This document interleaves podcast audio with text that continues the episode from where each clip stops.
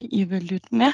Øh, vi har jo lavet det her oplæg i dag, fordi at der sker rigtig, rigtig meget på det bæredygtige område, som I måske ved.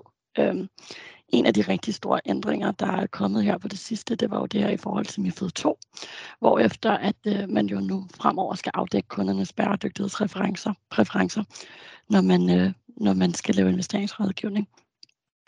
Og de her bæredygtighedsreferencer helt kort, det dækker jo bare over de her tre forskellige kategorier, hvor den ene der er minimumsandel af investeringer, der lever op til taksonomien. Så er der den minimumsandel af investeringer, der bidrager til enten et miljømæssigt eller socialt mål. Og til sidst så er der det, om, om investeringerne tager hensyn til de vigtigste negative indvirkninger på bæredygtighedsfaktorer. Det er mere mundret Og som I jo nok ved endnu bedre end mig, så det er jo ikke et nemt sprog at kommunikere med kunderne i, så jeg tror, vi alle sammen var ret spændte på, hvordan øh, EU forventede, at det her det, det ville komme på plads. Og derfor var det også glædeligt, at her fredag, for ikke så lang tid siden, der offentliggjorde de endelig deres, øh, deres endelige guidelines til egnethedstesten herunder, hvordan man øh, håndterer det her med bæredygtighedspræferencer øh, i praksis.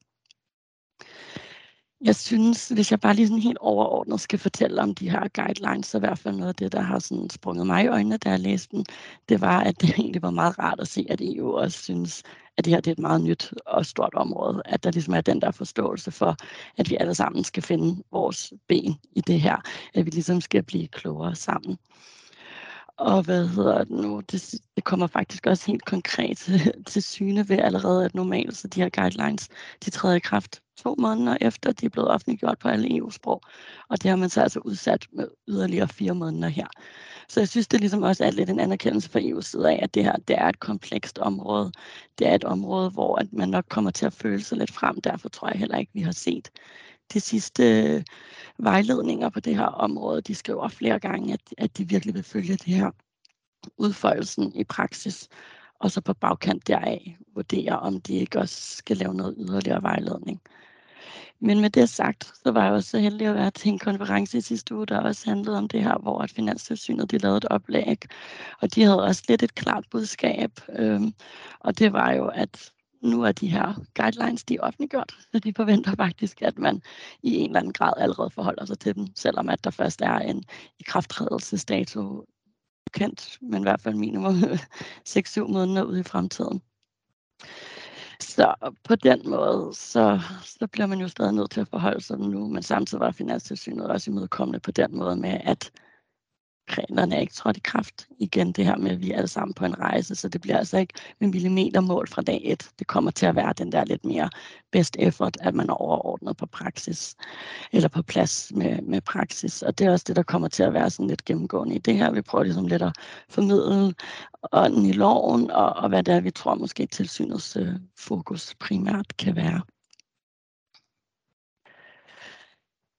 Det er jo et kæmpe regelsæt det her, og vi bliver faktisk også ramt her i Bankinvest i forhold som produktudvikler. Der er der også en masse regler, men vi har valgt ligesom at fokusere lidt i dag på, hvordan hvad de her regler betyder i selve rådgivningssituationen, hvor, at, øh, hvor de forhåbentlig kommer med nogle lidt brugbare eksempler og praksiser, som I også kan bruge. I forhold til guidelines, så vil jeg sige med rådgivningssituationen, så er det især guideline 2 omkring kend din kunde, og guideline 8 omkring, hvordan man matcher produkterne, som, øh, som er interessante at læse, hvis man, hvis man har lyst til det i den her guideline. For eksempel så kommer der noget af det, der er lidt mere konkrete. Der har i hvert fald været en del spørgsmål til, hvordan skal man håndtere det her med porteføljer? Er det bare automatisk hele porteføljen, der er omfattet, eller hvordan er det? Og det er det faktisk ikke. Der ligger de op til, at man lige skal have den her ekstra dialog med sin kunde omkring.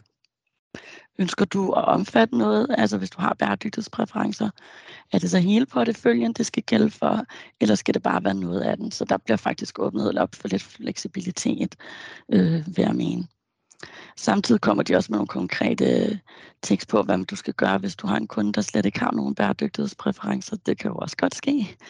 Og dem, dem skal man simpelthen behandle, som om de er bæredygtighedsneutrale, og det vil sige, at de kan blive tilbudt alle slags produkter. Der er ikke noget, øh, der er ikke noget på den måde, hvor man kan sige, at der så skal tages hensyn til, så tager man ligesom bæredygtighedselementet ud af det. Så er der også den øverste i forhold til, hvis der er overlap af bæredygtighedspræferencer. Øhm, og det er, nok noget, der kommer til at være ret aktuelt, sådan som vi i hvert fald har forstået, at langt de fleste de vil arbejde med det her på i praksis, netop så den måde, man kan kommunikere på det til kunderne, det er, at man ligesom kan inddele den lidt i 1, 2, 3, måske op til fem profiler. Ikke? Men det vil typisk være noget lav, mellem eller høj bæredygtighedspræference.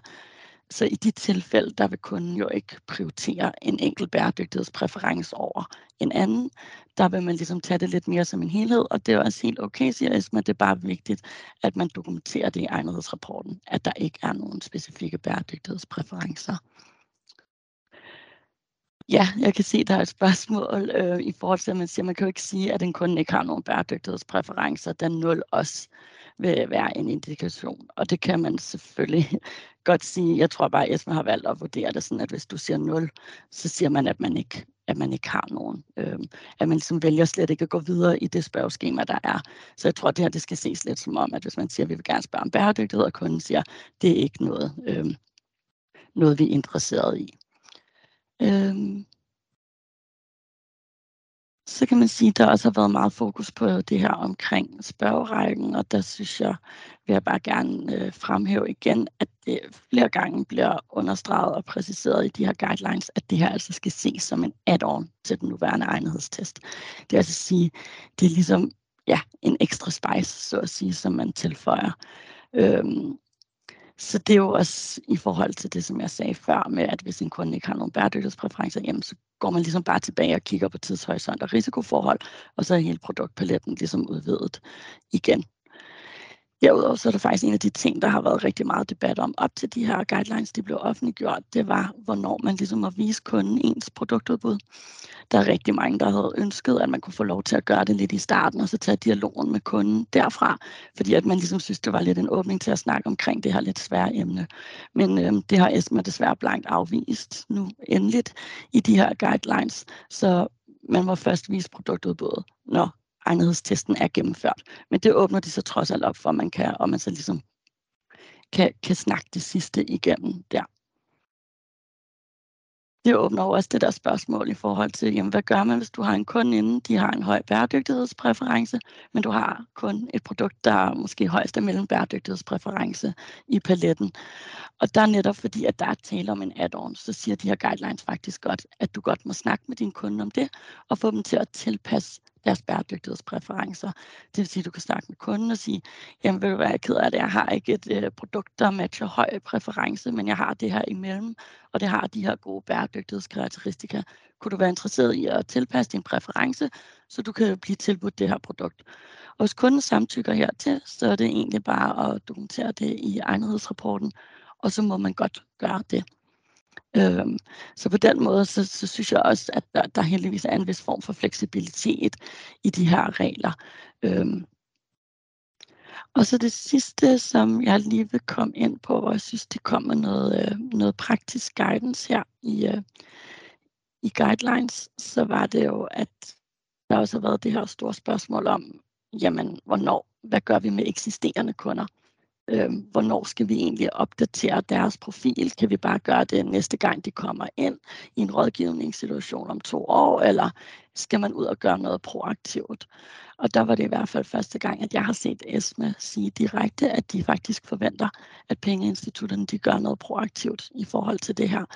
At de ligesom går ud selv og kontakter kunderne og sørger for, at, øh, at anderledestesterne eller profilerne bliver opdateret. De har sagt, at de regner med, at man er på plads med det her senest 12 måneder efter reglernes ikrafttræden. Så det vil sige, at vi er minimum 18 måneder ude i fremtiden, før det her skal være på plads, inden at der, der måske spreder sig for meget øh, panik. Og de 18 måneder, de gælder jo så fra, at øh, de her guidelines er blevet oversat til dansk. Og der plejer typisk nok at gå en måned, to måneder fra, hvor vi er nu. Ikke? Så vi er næsten ja, vi, vi er stadig et stykke ude i fremtiden, men jeg synes i hvert fald bare, det var relevant, at det, det er noget af det, de regner med, og det viser også, hvordan de tager de her, de her nye regler øh, seriøst. Til slut så kan man jo bare sige, okay, indtil de bæredygtighedsprov eller hvad hedder egnhedsprofiler er opdateret, hvordan, hvordan håndterer man så kunden? Og der er det der, hvor vi kommer tilbage til det der bæredygtighedsneutrale udtryk, som de bruger igennem guidelines, med at så må du i princippet tilbyde dem alle produkter. Øhm, så ja, det var ligesom lige de overordnede ting, som vi tænkte i forhold til de her guidelines, der var kommet, at der var nogle gode praktiske eksempler, der var noget, der kunne hjælpe. Øhm, hvis I har spørgsmål, så må I endelig stille dem. Hvis I ikke har spørgsmål nu, så er I også velkommen til at kontakte os på, på en af de her to mails, øh, hvor vi altid gerne vil stille os til rådighed for noget sparring.